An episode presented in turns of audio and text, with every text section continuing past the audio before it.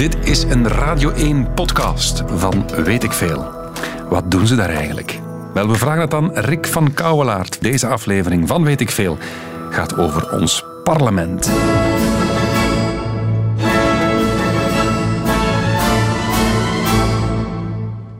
Radio 1. Weet ik veel met Kopen Ilse. Goedemiddag. Het is vandaag 25 augustus 1830. Nee, dat klopt niet, zegt u. Het is 31 augustus 2018. Nee, het is toch even 25 augustus 1830. En we zitten in Brussel. In de Muntschouwburg. En we zijn aan het luisteren naar deze muziek. Wat is dit? Dit is de stomme van Portici van Aubert. En we horen dingen als Amour sacré de la patrie, Rends-nous l'audace et la fierté, à mon pays je dois la vie, il me devra, devra sa liberté.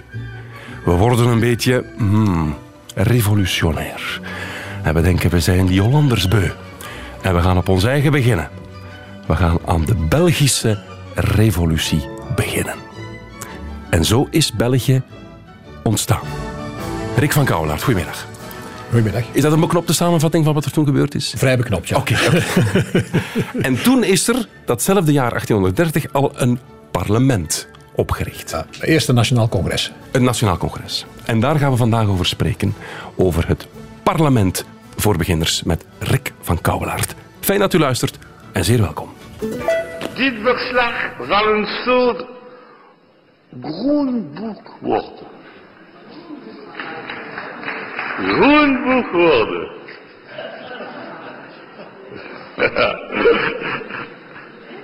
Aan het einde van deze brede discussie, hè, een samenvattend verslag, witboek. Witboek. Witboek. Op dat ogenblik. Witboek. Hè? Groenboek. En daarna witboek. Hè? Michel Dardenne. Dardenne, ja. Sorry, Rick van. Dat U begint dat- meteen met een dieptepunt. Ja, is dat? Ja? Wel, het is toch niet een van de gloriemomenten van het parlement. nee, nee, nee, maar er gebeurt toch van alles daar. Hè? Maar laat ons beginnen bij het begin. Je zei het er net al, 1830, België ontstaat. Mhm. Ja, hoe ging dat dan in der tijd? Want je hebt ineens een land, maar je moet dan ook een soort politieke klasse creëren. Ja. Hoe ging dat?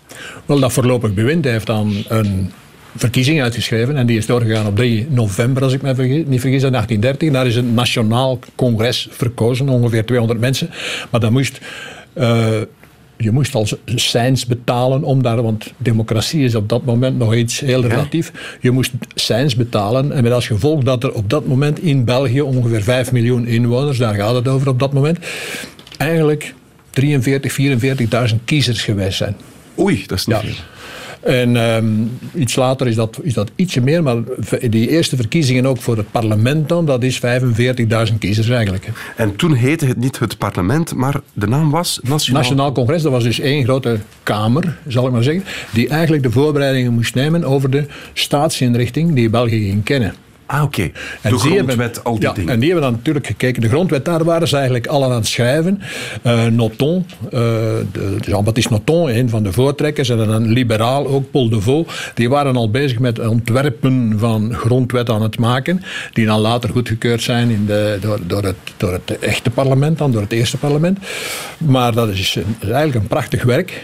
Die kerels hebben gekeken naar wat in Frankrijk, in Nederland zelfs, maar vooral in Engeland eh, eh, voorradig was als Ja. inspiratiemateriaal. En die hebben daar die eerste Belgische grondwet uit gepuurd. En die is dan door dat nationaal Door dat parlement dat in, dat in 31 aantreedt. Maar dan is het al Kamer en Senaat. Ah, dan wel al. Ja, ja. Zij beslissen dus van een twee-kamerstelsel eh, te installeren.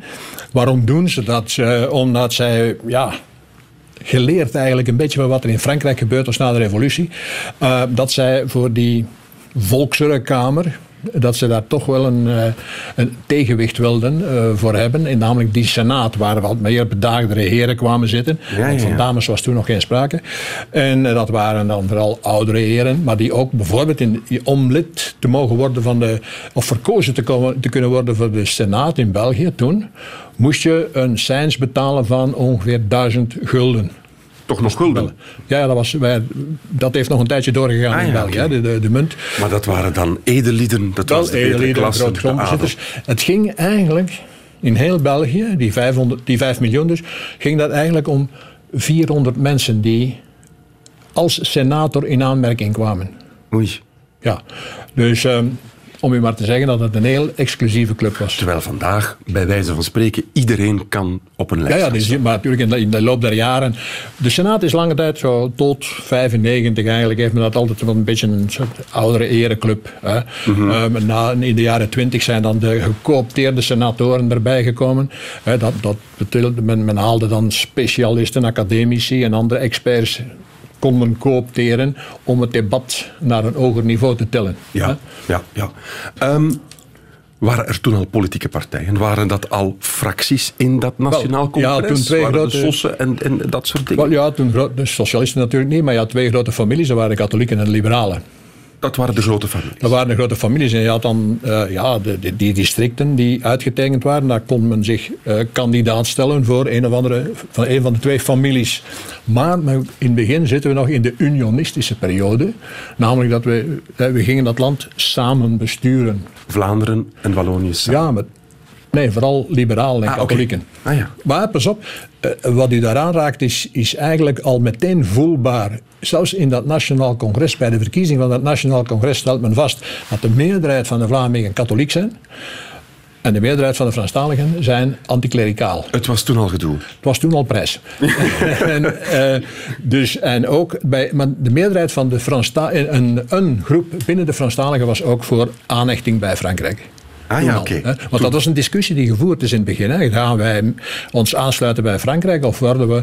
Zelfs de republiek is even ter sprake gekomen, maar dat heeft niet lang geduurd.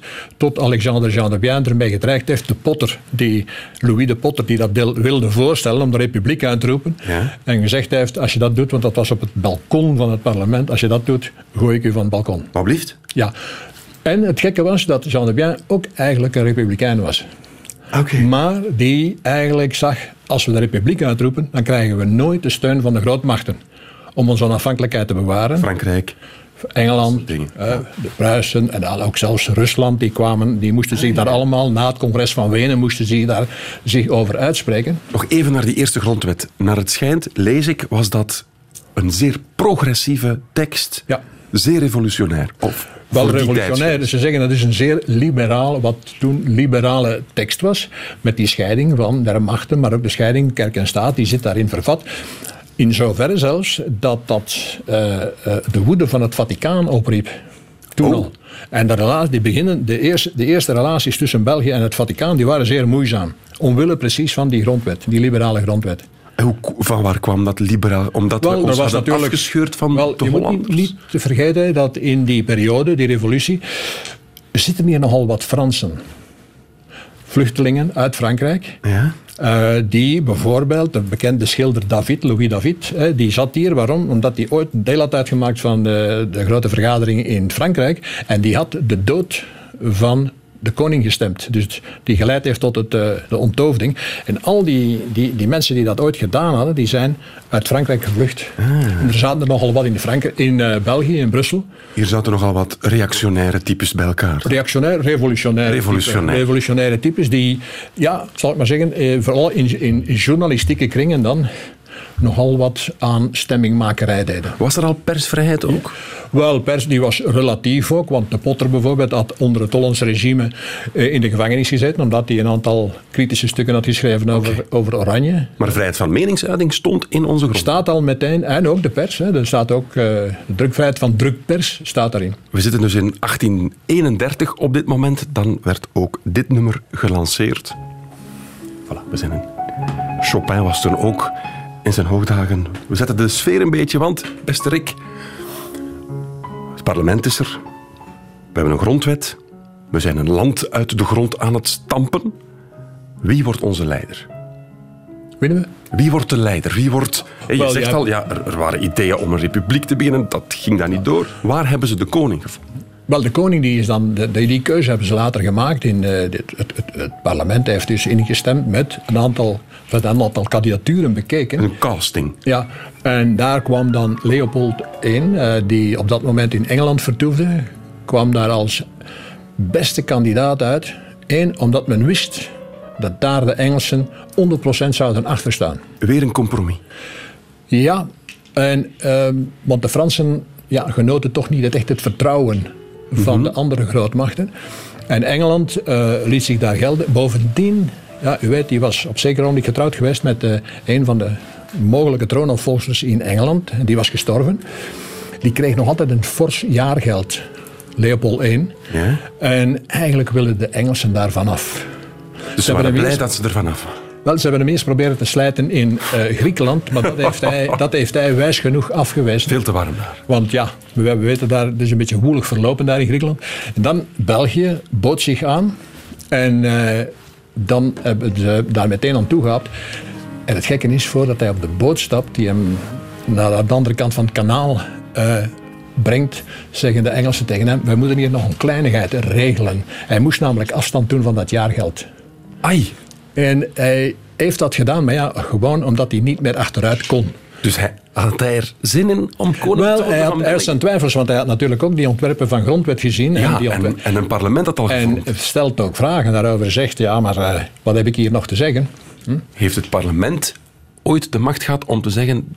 we zetten die koning terug af, we hebben ons vergist, of niet? Het moment dat Leopold Er zijn crisisperioden geweest waar, waar sommigen daar zeker aan gedacht hebben, maar dat betekent ook dat je het koningshuis Ja. opzij moet schuiven.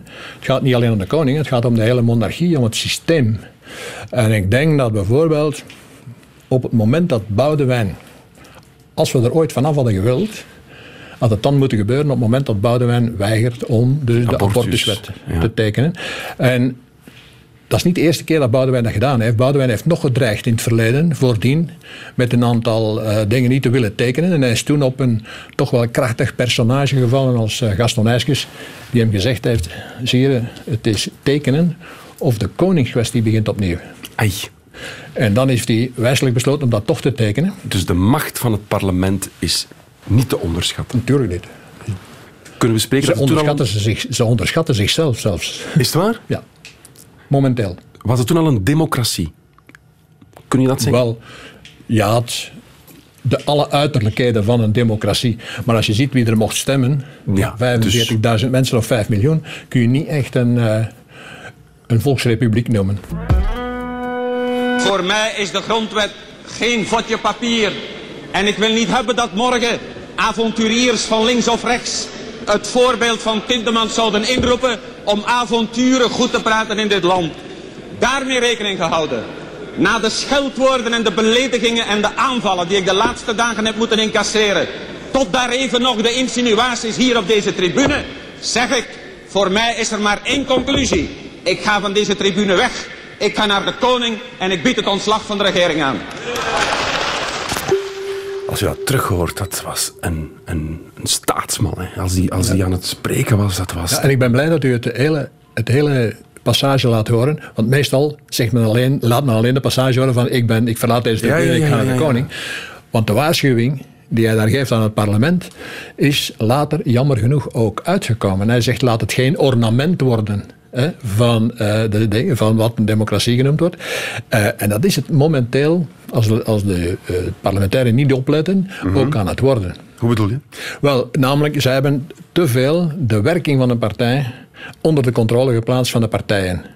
Ja. Maar momenteel bijvoorbeeld, en, eh, en, eh, men heeft in de, in de jaren 2000, begin 2000, heeft men het Kamerreglement erzien. Men heeft dat een beetje gekalkeerd, heb ik de indruk, op wat er in Europa gebeurde. Kortere spreektijden, hè, bijvoorbeeld lange tussenkomsten, zoals die van Tindemans en weerwoord en nog eens weerwoord. Dat kan vandaag de dag niet. Eh, De, de voorzitter, Brakke, draait gewoon de microfoon dicht na zoveel minuten.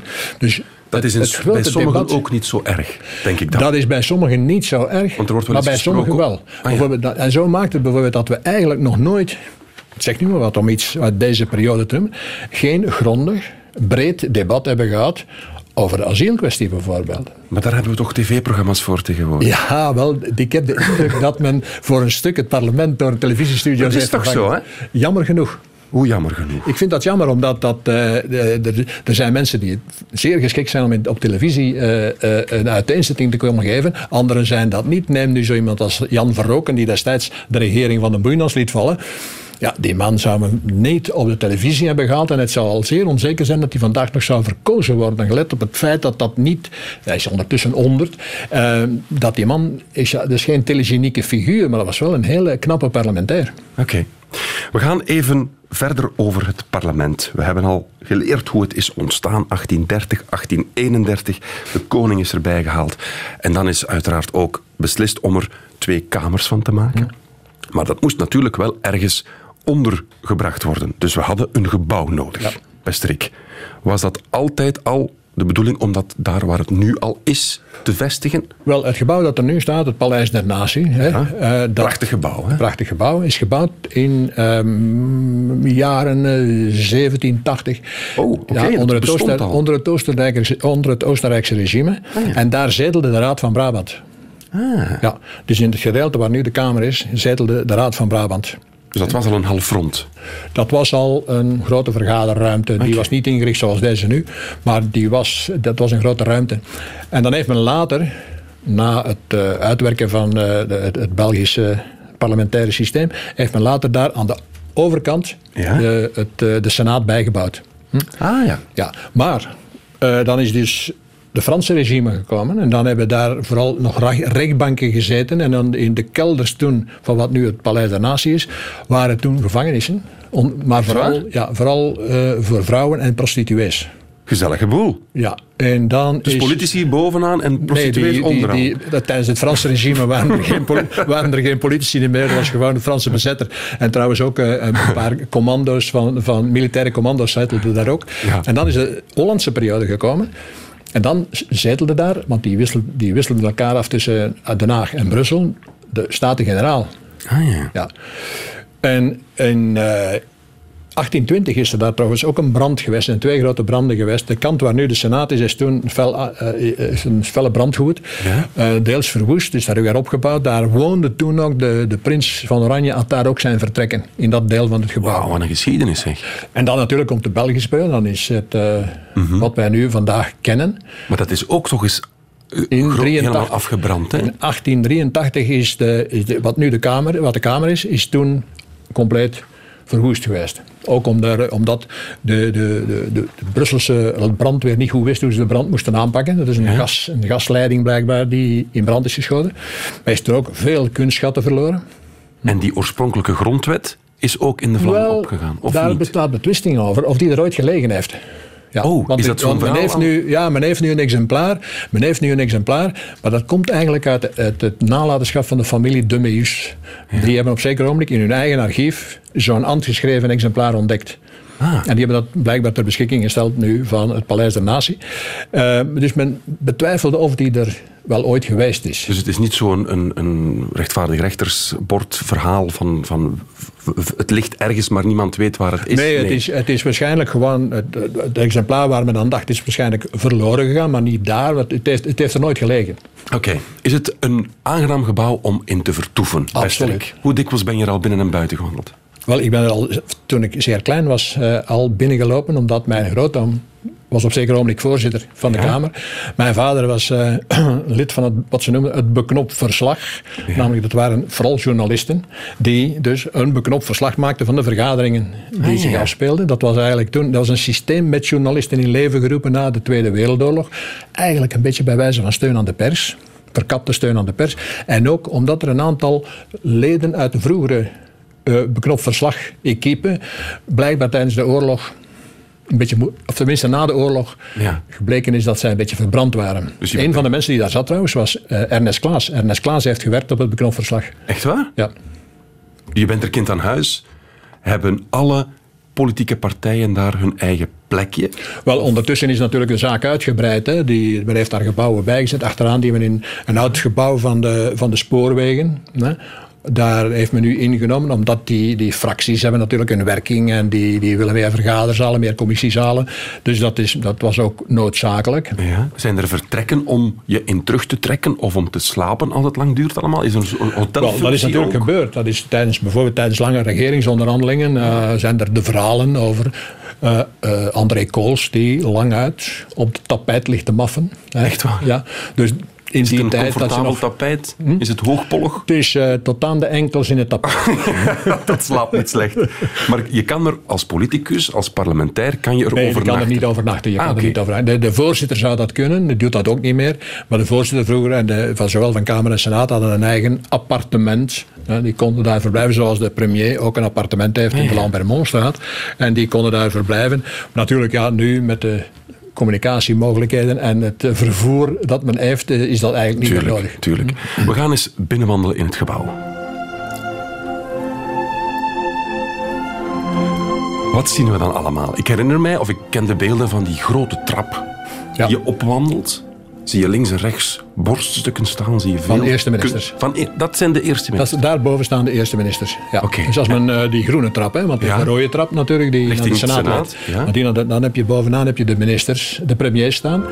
En heb je de grote zaal waar men vaak Linda de Winde interviews ziet voeren. Ja. Eh, dat is de perszaal, nee, maar alle dat kranten eh, liggen. de leeszaal eigenlijk. leeszaal. Daar liggen de kranten, daar lagen... Nu zijn dat steeds minder kranten natuurlijk. Maar iPads liggen toen, daar. toen lag dat vol met, eh, met kranten. En daar hangen alle portretten van de gewezen voorzitters. Ah. Geschilderde portretten. Dus eh, alle voorzitters krijgen portretten en alle premiers krijgen Een borst. borstbeeld. Ah ja. Ja. Dus Verhofstadt, eh, de laatste, Verhofstadt staat staan er allemaal. dus nu al termen ook al ondertussen? Of? De termen weet ik niet of het al klaar is. Ah, daar zijn ze nog aan bezig. Wel, ik weet het niet. Ik weet het niet, maar ik, heb- ik heb het nog niet gezien. Ah ja, oké. Ik ben nog, niet, nog nooit niet opgevallen. Beste Rick, nu gaan we het even heel stil maken, want ik lees dat de wijnkelder van het parlement fantastisch is. Wel, men spreekt vooral van die van de Senaat. en ik heb de indruk ja, dat men daar toch het, eh, het regime een beetje aan het wijzigen is. Hè. Er worden een aantal dingen niet meer geschonken. Natuurlijk in het restaurant. Het restaurant van het, het parlement vroeger was een van de, van de culinaire, een van de culinaire ja, plekken van Brussel. Daar moest je zijn. Wel, moest je daar. Dat, zou, dat was toch niet kwaad hè, om, daar te gaan, om daar te gaan lunchen. Maar eh, ja, voor de rest ook de, de, de, wat, wat aan drank aangeboden wordt, is eigenlijk toch wel ferm teruggeschroefd. Maar bijvoorbeeld, het is gekend dat onder Armand de Dekker, Ja. voorzitter van de, van de Senaat, ja, de, er toch nog aandacht werd besteed aan het opbouwen van de wijnkelder van de Senaat. Ja. En wat moet ik me daarbij voorstellen? Is, zijn dat die waar vroeger dan de, de, de prostituees in Wel, de dat zal een van die plekjes zijn die men nu toch wel gelukkig zal hebben eringericht. Ja. Ik vermoed dat daar... De, ik, ben- ik heb het nooit bezocht. Ik heb het nooit bezocht. Ik heb Kom, er kom, één keer kom, mogen Rick. van... Nee, ik heb er één keer mogen van drinken, dat wel. Maar eh, ondertussen natuurlijk, alles is ook strenger geworden. Hè. Die gaan, tegenwoordig Saaier gaan, gaan hè? die senatoren ook allemaal joggen waarschijnlijk. In het, in het park voor In het park ja, ja. Ehm, Herman de Croo pakt graag uit met het feit dat hij gratis drank in de koffiekamer heeft geïntroduceerd. Is dat een terechte pluim op zijn hoed? Wel ja, dat is, eh, hij is een goede voorzitter geweest. Hij had- Hij had een grote aandacht voor dat parlement en een groot respect ook voor dat parlement. Hij heeft toch ook Villa Politica binnengelaten, dacht ik? Ja, en ik denk dat dat een, op zich een hele goede zaak is dat dat Mhm. gebeurde. Ja. Neem ons eens mee naar nog een geheim plekje. Is er zo nog ergens een kamertje waar eigenlijk heel weinig over geweten is, maar waar jij misschien toch wel Nee, maar wat er, wat er, er is veel, altijd veel te doen geweest over die fameuze geheime gang.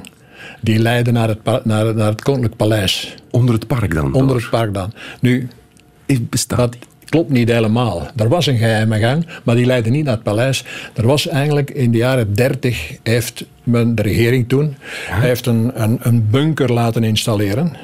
Wel wetende dat er toch wel enig oorlogsgevaar dreigde. Duits. En dus waar nu recht over de 16 heb je de Volkszaal, het oude Volkszaaltheater, waar nu ook de, de mannenclub, eh, de Cercle Gaulois, zijn onderkomen. heeft. En daar beneden is een bunker.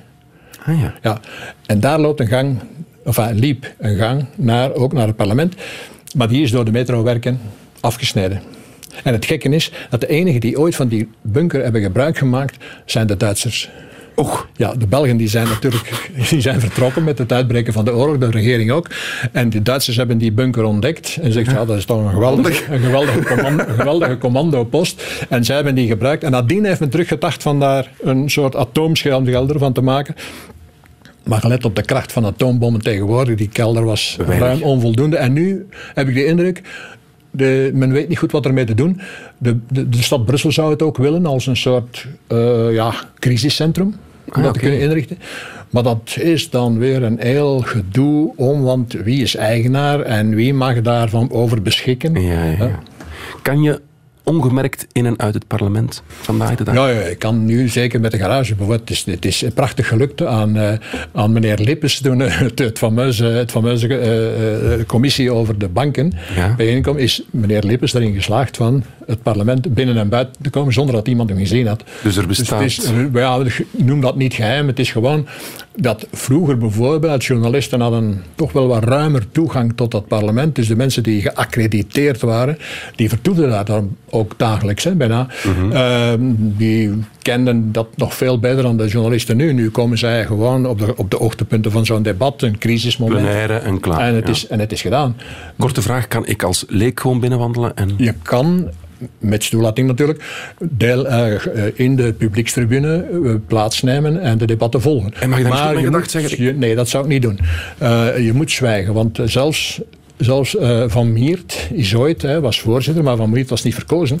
Dus hij nam plaats op de publiekstribune en had zich laten gaan in een aantal opmerkingen. En men heeft hem, de militaire politie heeft hem ja, naar buiten geëscorteerd. Nochtans. In 1971 jaagt hij als teken van protest een stier de Kamer van Volksvertegenwoordigers in. Actie is het motto van Appar. Onmiddellijk volgen er plak- en schildercampagnes. Hapaar is ooit... Klopt dat? Ik heb daar nooit beelden van gezien. Maar Ja, die beelden bestaan. Dus er die bestaan, bestaan. bestaan televisiebeelden is met een koe of met een stier het Maar, en parlement- niet alleen, er zijn ook een aantal eh, dus boerenbetogers zijn dus, eh, de, hebben dat, dat, dat dier, want dat moet verschrikkelijke angsten hebben uitgestaan. Gelet op het spoor dat hij, na, dat hij heeft nagelaten is op de waar. trappen. Ja. hij heeft hem dat, dat binnengaat, die grote trap op, die eretrap op. Dat beest is die trap opgegaan. Ja, ja, ja. Daar bestaan televisiebeelden van. Dus wie dat, eh, een beetje, ik denk dat er op Google wel zal een spoor te vinden zijn. Er zijn Dus het, eh, ja. Maar dat is wel, wat dat betreft, eh, het is wat als bezoeker het meest veilig. spectaculaire. Ja. Ah ja, oké. Dus nu is het veilig. Je moet je aan. Wel, nu, nu moet je van achteren. ja, vroeger kon je gewoon vooraan binnenlopen. Hm, Er stonden wel militairen die, mocht je er wat verdacht hebben uitgezien, u wel zouden aangesproken hebben of ze u konden helpen, Ja. eventueel. maar nu moet je dus via ja, een echte wachtpost eh, door metaaldetectors, eh, sleutels afgeven en dat soort zaken. Maar een aanrader als uitstap? Het is de moeite waard. Vooral daar hangen toch wel, eh, als het grondig bezoek, daar hangen toch wel een aantal hele mooie schilderijen. In die periode kwam ik daartoe in het parlement en de bode had een proletarische reactie, want hij liet me er niet binnen. En vader Van Akker, die toen nog voorzitter was, werd erbij geroepen. En hij ging naar onze fractievoorzitter. eh, Kijk, die nieuwe eh, van u is daar en hij heeft geen das om en hij is op sandalen. En Frans van der Elst stond al in zijn wijsheid een stap verder en die zei... En welke broek heeft hij aan? Want die had me al meermalen in een korte broek zien rondlopen. En dacht al, ja, verdekken, als die daar is in zijn korte broek, dat kan niet, maar de rest moeten ze er maar bij nemen. Heerlijk fragment vind ik dit. Rick van Kouwer, het plaats dat is, wie hoorden we? Willy Kuipers. Willy Kuipers, die... Volksgenie. Die ja, met de rolkraag en eh, ja, toch wel wat casual, zou ze dat nu noemen, eh, het parlement binnenstapte. Maar je moet weten, dat was toen, de, de sfeer was toen ook anders. Ik ben zelf terecht geweest ooit eh, in de wedstraat 16, dus wat verderop, De ambtswoning? Ja. door de perssyndicus, omdat hij vond dat mijn haar te lang was. Och. Ja, dus, en dat was een journalist, dat was een collega-journalist die dus zei, in het vervolg toch eens naar de kapper gaan. En ook een das aantrekken. Hm? Dus dat was de, de tijd van toen. Hè? Dat is natuurlijk wel allemaal veranderd, want ik denk dat, als ik me niet vergis, eh, dat er nog een aantal zijn geweest die investimentaire moeilijkheden hebben gehad. Die vervolgens is ooit in Schort op eh Ja. een spreekgestoelte geweest. En dan had je, hoe heet het, de, Neder, de, de Franstalige ecoloman die in, eh, in zijn Marcelleke... Nee, nee, nee, dat is, eh, eh, Vic- eh, hoe heet het niet meer? Ja, ik vergeet nu even zijn naam, maar die in, in Marcelleken op het, eh het spreekgestoelte kwam. En dat was natuurlijk toch al te gortig. Dat, eh, ja, het, is een bepaalde lat, daar waren we niet een aantal dingen respecteren, ja. Ja. Terecht. Terecht, denk ik. Ja. Want het parlement, het is toch nog altijd... Ik weet niet of dat bij u nog altijd zo is, maar het, het, het, het aura hangt er nog wel rond. Hè? Wel ja, het is het, is het, het centrum van, eh, van het politieke eh, Ja, toch, hè? spel van, van, van, van de politieke macht. En zij heeft die macht eigenlijk nog altijd, mocht ze die echt durven te gebruiken. Eh, alleen doet ze dat veel te weinig. Oké, we gaan eens even praktisch. We zitten in de Kamer. Je hebt inderdaad, wat je zei daarnet, een groene en een rode vergaderzaal. Kamer en Senaat. Ja. In de Kamer, hoeveel mensen zitten daarin? Wel, nu zitten er 150. Eh, vroeger hebben, er daar, hebben er daar, eh, toen het België begon, waren er denk ik 102. En op zeker ogenblik waren er 220. Konden die daar allemaal binnen? Want dat is niet zo Ja, die groot. 220 konden daar binnen. Ah, toch? Eh, Men heeft dat allemaal een beetje herschikt. En, eh, maar nu is het 150. En ehm, ja, die zijn ook opgedeeld, zowel Kamer als naar één taalgroepen. Dat is ook een eigenaardigheid. Links en rechts, dacht ik. Ja. Als je, nou, dat zeggen niet de taalgroepen, hè, maar de, de links en rechts zijn, dat begint bij links de socialisten en dat eindigt bij, aan de rechterkant bij de christendemocraten. ja, ja, ja. Ehm, hoeveel mensen zitten in de Senaat op dit moment nog? 60. 60. 60, ja, daarvan zijn er 50, de- maar die worden niet meer verkozen. Die worden afgevaardigd door de deelparlementen. En tien ervan worden, zoals men dat noemt, gecoopteerd. Dat is een systeem, zoals ik zei, dat men in de jaren 20 in leven heeft geroepen. Zo gezegd om het debat wat eh, hoger, op een hoger niveau te tillen. Maar eigenlijk is dat nu vaak een middel om mensen die electoraal gebuist zijn, alsnog Oh. binnen te slepen in het parlement. Mag ik eerlijk zijn? En ik probeer, ik moet het doen eh, door mijn job, ik probeer alles, de actualiteit toch wat te volgen. Uit, dat, uit, dat, uit die Senaat komt niks meer. Hè? Dat is ook de bedoeling, heb ik de indruk. Ah, dat Men wil- wel, de, men, er zijn grote voorstanders om dat af te schaffen, zeggende, voilà, wij hebben nu de regionale parlementen. Dat parlement, dat, dat, eh, al- als er daar een probleem zou kunnen ontstaan, dan zijn er middelen om te voorkomen dat er ongelukken gebeuren, hè, politiek.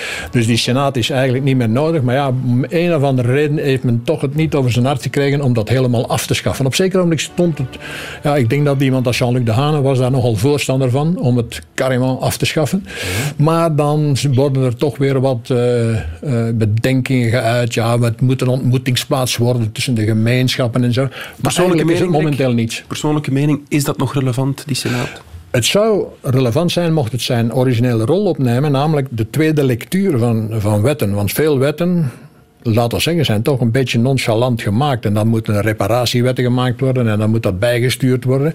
Terwijl vroeger zo'n wet passeerde eerst in de, in de Kamer en de senatoren lieten daar nog eens een licht op schijnen en die wezen dan op een aantal ongerijmdheden. En dan ging dat terug naar de Kamer. Sommigen vonden dat tijdverlies. Hè.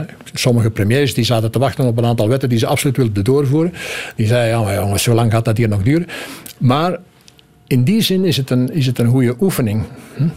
Maar zoals ik zei, nu de tweede lectuur, eh, ja, die gebeurt ook eh, door andere parlementen. Je hebt ook eh, Ja, ja, ja, natuurlijk. andere instanties om dat te doen. En in het buitenland, als ik me niet vergis, heb je dat toch ook nog altijd. Ja, ja. Die, die, dat, dat soort controleorgaan, de oudere garde die Ja. zich toch wat terugtrekt. Nergens is het zo, zo, zo opvallend als in Engeland natuurlijk. Hè, waar House House of Lords heet Lords. ook nog altijd, ja. Trouwens, dezelfde kleur heeft ook. Hè. De- Vandaar komen de kleuren Ja, trouwens. dat was mijn volgende vraag. Je hebt dat groene voor de Kamer Ja. en dat rode voor de Ja, Senaat. dat is eigenlijk een beetje afgekeken van de Engelse Hoezo? Ja, dat was toen, ja, dat was toen ook het groot voordeel hè, van een parlementaire democratie op dat moment. En je ziet dat ook elders in, in Europa, dat die, dat die kleuren steeds terugkeren. En waarom groen dan voor het parlement? Ik denk dat dat eh, eh, niet specifiek is. eh. heb ja, er worden van allerlei... eh, Ja, ik heb gelezen dat de vorst in, Engel- in het Britse parlement liet zijn wetten stemmen in een weide vroeger. Ja, vroeger in een weide. En dat het daarbij, maar dat lijkt me toch wel heel, heel, heel bij de... bij Groen de- is de macht aan de burgers, niet de koning. En rood van de Romeinse senaat, Ja. de macht van de aristocratie, de adel en de hoge burger. Maar dat is een lijkt mij achteraf bedacht. beetje vergezocht. beetje Het is vergezocht. goed gevonden. Ja, het veelal, hè. Staatshervormingen en senaatshervormingen en kamerhervormingen. Zijn we er nu? Is het zoals het nu is, werkt het? Of zeg je van, dit is ook weer een tussenfase als we binnen tien jaar dezelfde uitzending maken? Ik vrees dat het eh, niet gedaan is, dat, het nog, eh, dat er nog van alles aan op eh, ons afkomt. Waarom? Omdat men staatshervormingen altijd een beetje gemaakt heeft naar gelang de problemen die zich stelden. Ja. Men heeft nooit een grote visie ontwikkeld van, kijk, daar willen we nu als eindpunt naartoe. Of voorlopig eindpunt. Men heeft problemen, Brussel alle veel voorde, en men begint eraan te sleutelen. Hm? Men heeft problemen met de financieringswet, men gaat eraan sleutelen. En dat zijn altijd voorlopige oplossingen, blijkt het. En dus de, de, de wereld evolueert. Er is de invloed vanuit Europa. Er is de invloed, die, die regio's en die gemeenschappen beginnen ook invloed uit te oefenen. Dus daar moet daar toch eens een groot moment komen waar men, la- laten we het woord nationaal congres gebruiken, Ja? Die vertegenwoordigers van die deelgebieden en ook de federale vertegenwoordigers samenkomen om te beslissen wat ze gaan doen. Denk je dat er ooit een soort tabula rasa zal zijn? Wel, dat zal en geen- dat we het land dat zal- opnieuw helemaal... Dat zal geen tabula rasa zijn, dat zou mij verbazen. Eh, tenzij dat het echt alles in duigen, maar dan moet ook eh, Europa mee in, in elkaar storten, bij manier van spreken. Dat zal niet gebeuren, denk ik, hoop ik. Maar eh, men zal toch eens moeten een, een zal ik maar zeggen, een, een, een, een, ja, een eh, staat van de gebouwen opmaken om te zien, de, Ja. de politieke gebouwen, om te zien van ja, hoe gaan we dit hier laten verder evolueren. Op menselijk vlak, jij komt daar veel. Je hebt contacten in die werelden. Is die, die taalgrens, wat je hier op de VRT dus ook hebt, letterlijk Mhm. die grens VRT-RTBF, we kennen elkaar niet. Is dat in het parlement ook zo? Zijn dat, is dat een soort Ja. gescheiden wereld? Toch eh, meer dan vroeger. Meer dan vroeger. Toch, ja. Eh, en dat, eh, dat, voel je, dat voel je ook in de debatten. Hm? De gevoeligheden zijn totaal anders. Hm? Eh, je hoeft maar naar iets veelzeggends is bijvoorbeeld. Je hebt Villa Politica. Komen Vlamingen tussen en men laat de microfoon openstaan. Er komen Franstaligen tussen. En daarvan maakt Linda de Win gebruik om, inter, om Ja. interviews te maken met Vlamingen. Zodoende dat we eigenlijk niet horen wat, er da- wat die Franstaligen vertellen. Dat wordt nogthans simultaan vertaald. En dat wordt simultaan vertaald, dus dat is niet de moeilijkheid. Bovendien, als ik me niet vergis, zit er enige, enige vertraging op de beelden die binnenkomen. Dus men, kan, men kan een vertaling meegeven. Maar het zegt veel ja. over. En, en ik merk ook dat veel, veel parlementairen, Vlamingen, eigenlijk weinig volk kennen aan de overkant. Oké. Daar is natuurlijk, die partijen zijn gescheiden, hè? ook niet vergeten. Men heeft Vlaamse partij, een Franstalige Ja, maar je partij. hebt wel de socialistische blokken en Ja, maar de ook liberale daar, blokken. Ja, ja, dat wel. Maar die, ook bij de socialisten voel je dat daar een ver- sprake is van een verwijdering. Trouwens, we hebben het gezien met de incidenten in Brussel hè, rond Sami Social. Heeft SPA zich meteen gedistanceerd van de, van de PS. Je vertoeft daar, je bent journalist, je bent columnist, je schrijft al en je volgt het al jaren. Hoe kom je aan je informatie, beste Rick? Gebeurt dat in het parlement? Ga je dan een wandelingetje doen? Ga je een lunchje doen? Nee. Hoe, hoe werkt heel dit spel rond? Ik ben geen luncher, dat is al... Nee? Nee, omdat mijn vader mij ooit zei, toen, ik, toen hij wist dat ik ging over politiek schrijven, hij zegt, één, er zijn één grote wet. Een journalist moet zelf zijn eten betalen. Maar, Maar eraan toevoegend, bij de keuze van de restaurants, altijd de socialisten volgen. maar, ehm, dus, maar nee, de informatie wordt natuurlijk op een andere manier eh Kom ingezameld. aan, Rick. Ik Nee. geloof het niet. Dat is toch Dus een gewoon, ons kent een netwerk van... Ja, van... maar je moet, een, je moet ten eerste, je hebt ook een aantal. Je hebt het voetvolk onder de parlementairen die eigenlijk ook maar vernemen op het laatste moment wat er gebeurt. Je hebt de ingewijden, fractieleiders en zo, die, die je kan consulteren. Die, maar eigenlijk het, het, het echte spel speelt zich daar niet meer af. Is het Dat zoals een- House of Cards? Is het zoals House of Cards, de Netflix-reeks met, eh, over de Amerikaanse verkiezingen? Heel veel intriges en heel veel geregel achteraf. Klopt dat? Ja, maar dat is iets. an- de- de- daar- de, de, het, Amerikaans congres is nog iets helemaal anders dan het, dan het, eh, Ja, dan maar het het Belgisch gaat over hoe aan politiek wordt gedaan. Is dat met ons Daar, ons wel, en- daar zijn gelijkenissen, maar het is toch een, eh, Washington is een totaal andere wereld. Wat, wij- wat wij bijvoorbeeld hier niet veel zien, dat zijn de echte lobbyisten die aan boord komen. Daar heb je een leger lobbyisten dat letterlijk het eh, Ja. Capitol Hill belegert, terwijl hier heb je dat niet. Dat, die zitten in Europa. En als die politici tijdens de plenaire aan het sms'en zijn, dat zie je dikwijls. Ja. Ik wil er geen karikatuur van maken, maar... Aan het twitteren, Aan, het twitteren, maar toch ook aan het sms'en met journalisten, met watchers zoals, Mhm. zoals u. Soms, ja, soms. Eh, maar eh, wat er vroeger gebeurde, dat ook, zag je, zag je die anciens die rustig La Libre Belgique laten zaten te lezen ook. Nu zitten ze op hun iPad. Ja. Dus dat is, dat is wel een beetje van alle tijden. Zij volgen de debatten wel, maar ze hadden toch nog wat te lezen, ze hadden nog een dossier door te nemen. Een, een, een verarming vind ik bijvoorbeeld, dat is dat ministers Ja. eh, vervangen worden door plaatsvervangers op de lijst. Vroeger een minister bleef deel van de meerderheid, dus hij moest in het parlement aanwezig zijn. Terwijl nu een aantal ministers eigenlijk het parlement een beetje als tijdverliezer gaan beschouwen. En dat is jammer. Mm. Hoe word ik, stel ik ben begeesterd door uw uitleg vandaag en ik denk ik wil dat ook worden, parlementair. Hoe begin ik daaraan? Ik moet me bij een partij aansluiten? Of kan ik als een soort Dat- onafhankelijke op een lijst gaan staan? en Strikt zeggen- genomen kan je dat allemaal. Ja. Maar het zou toch aan te raden zijn van als, je, als de ambitie echt zo, zo, zo sterk is. Om dat iets te betekenen moet je bij- betekenen ja. moet je natuurlijk deel uitmaken van een toch wat groter georganiseerd. Ja. eh, maar leeftijd speelt weinig rol. 18, van 18 tot... Nee, vanaf 18, dat is, eh, en zijn er nu wordt er al gepleit van nog vroeg, maar ik zou het niet doen. Maar goed, daar, vanaf 18 kun je er eigenlijk eh, aan, aan het spel deelnemen. Maar je bent natuurlijk quasi verplicht van via een partij te gaan. En dat is lokaal aanbieden en die nemen dan uw, uw, uw, uw kandidatuur in aanmerking om je op de lijst te zetten. Ja. Wat, wat, en dat is interessant, want gelet op de manier waarop de partijen vandaag gefinancierd worden uit de staatskas, hè, die krijgen elk jaar 70 miljoen euro. Dat is niet mis. En, en er is een kleine groep die daarover beslist. Dat heeft Herman de Croo, en dat was een hele juiste opmerking eh, van hem, ooit laten zeggen dat er eigenlijk vandaag minder kiezers zijn dan in 1831. Leg dat eens even uit. We Wel, nog omdat, 55 omdat een hele kleine groep beslist binnen de partij wie er op die lijst terechtkomt en wie er zal verkozen worden. Maar ik word nog verkozen door, een Door het aantal stemmen. Ja. maar het zijn anderen die beslissen wie daar opkomt op die lijst. Ah, ja, ja. En wie op een verkiesbare plaats staat en wie niet. Vandaar de lijstvorming die nu volop bezig is waarschijnlijk. Ja, en waarover zwaar met ellebogen gewerkt wordt natuurlijk. Hè. Dus dit is eigenlijk de interessantste periode. Zeer. Zeer. Ja, is dat waar? Ook omdat sommigen willen zich dan toch wel een beetje manifesteren als zijnde belangrijk. Ja. En zeggen dan iets te veel. We hebben nog 20 seconden bij Sterk. Hoe dikwijls ga je nog in het parlement komen? Of heb je het ondertussen wat gehad? Ik ben 68, dus ik ga daar niet zo lang meer komen. Maar ik het denk blijft je wel boeien. maar het blijft mij boeien. Ik ben daarin, zoals eh, Obelix, in de ketel gevallen toen Oké. ik klein was. Dus Dankjewel om deze les even te geven. Het parlement voor beginners. Radio 1. Weet ik veel? Dit is het einde van deze podcast van Weet ik Veel. Weet ik Veel is trouwens een programma van Radio 1. Op radio1.be vindt u nog veel meer.